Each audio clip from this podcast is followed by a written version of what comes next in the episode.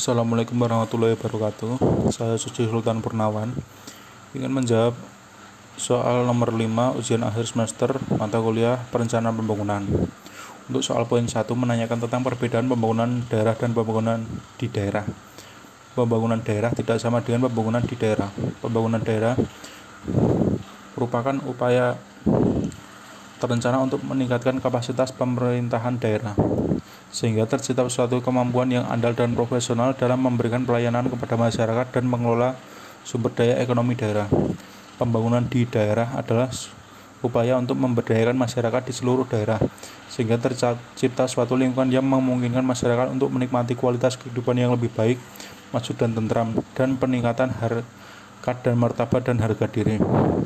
Poin kedua, diminta untuk menjelaskan tentang tahapan penyusunan RPJPD. Tahap pertama yaitu tahap persiapan meliputi orientasi perencanaan daerah, pembentukan tim penyusun, identifikasi stakeholder, penyimpan draft dan tim SK, panduan penyusunan RPJPD, sosialisasi, dan perumusan metode.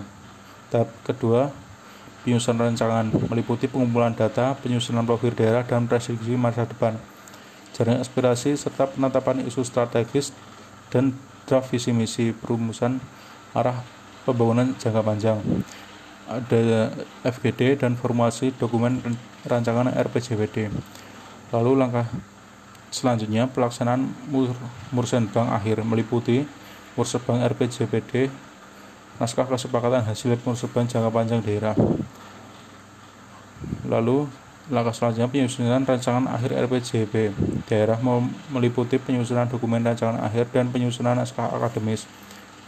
Lalu tahap Terakhir adalah tahap penetapan perda tentang RPJP daerah meliputi penyampaian naskah perda RPJPD serta lampirannya kepada bupati, konsultasi dan diskusi penyam, dan penyampaian naskah kepada perda RPJPD serta lampirannya. Pembahasan DPRD tentang raperda RPJPD, penetapan raperda menjadi perda dokumen RPJPD yang disahkan.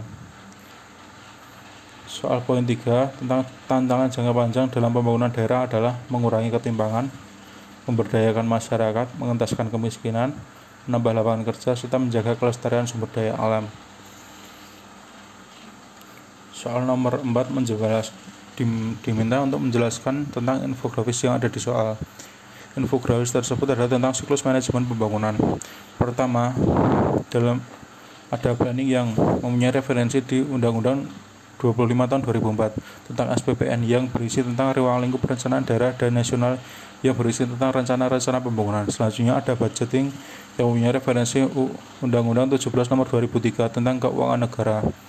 Undang-Undang nomor 33 tahun 2004 tentang pembangunan dan Undang-Undang 17 tahun 2014 tentang MD3 yang menyediakan informasi tentang pembangunan daerah dan keuangan daerah. Siklus selanjutnya adalah implementasi atau penerapan. Mempunyai referensi Undang-Undang 23 tahun 2014 tentang Pemda dan Pempres 70 tahun 2012 tentang pro rekrutmen yang menjelaskan tentang pelaksanaan pemerintah daerah secara merinci.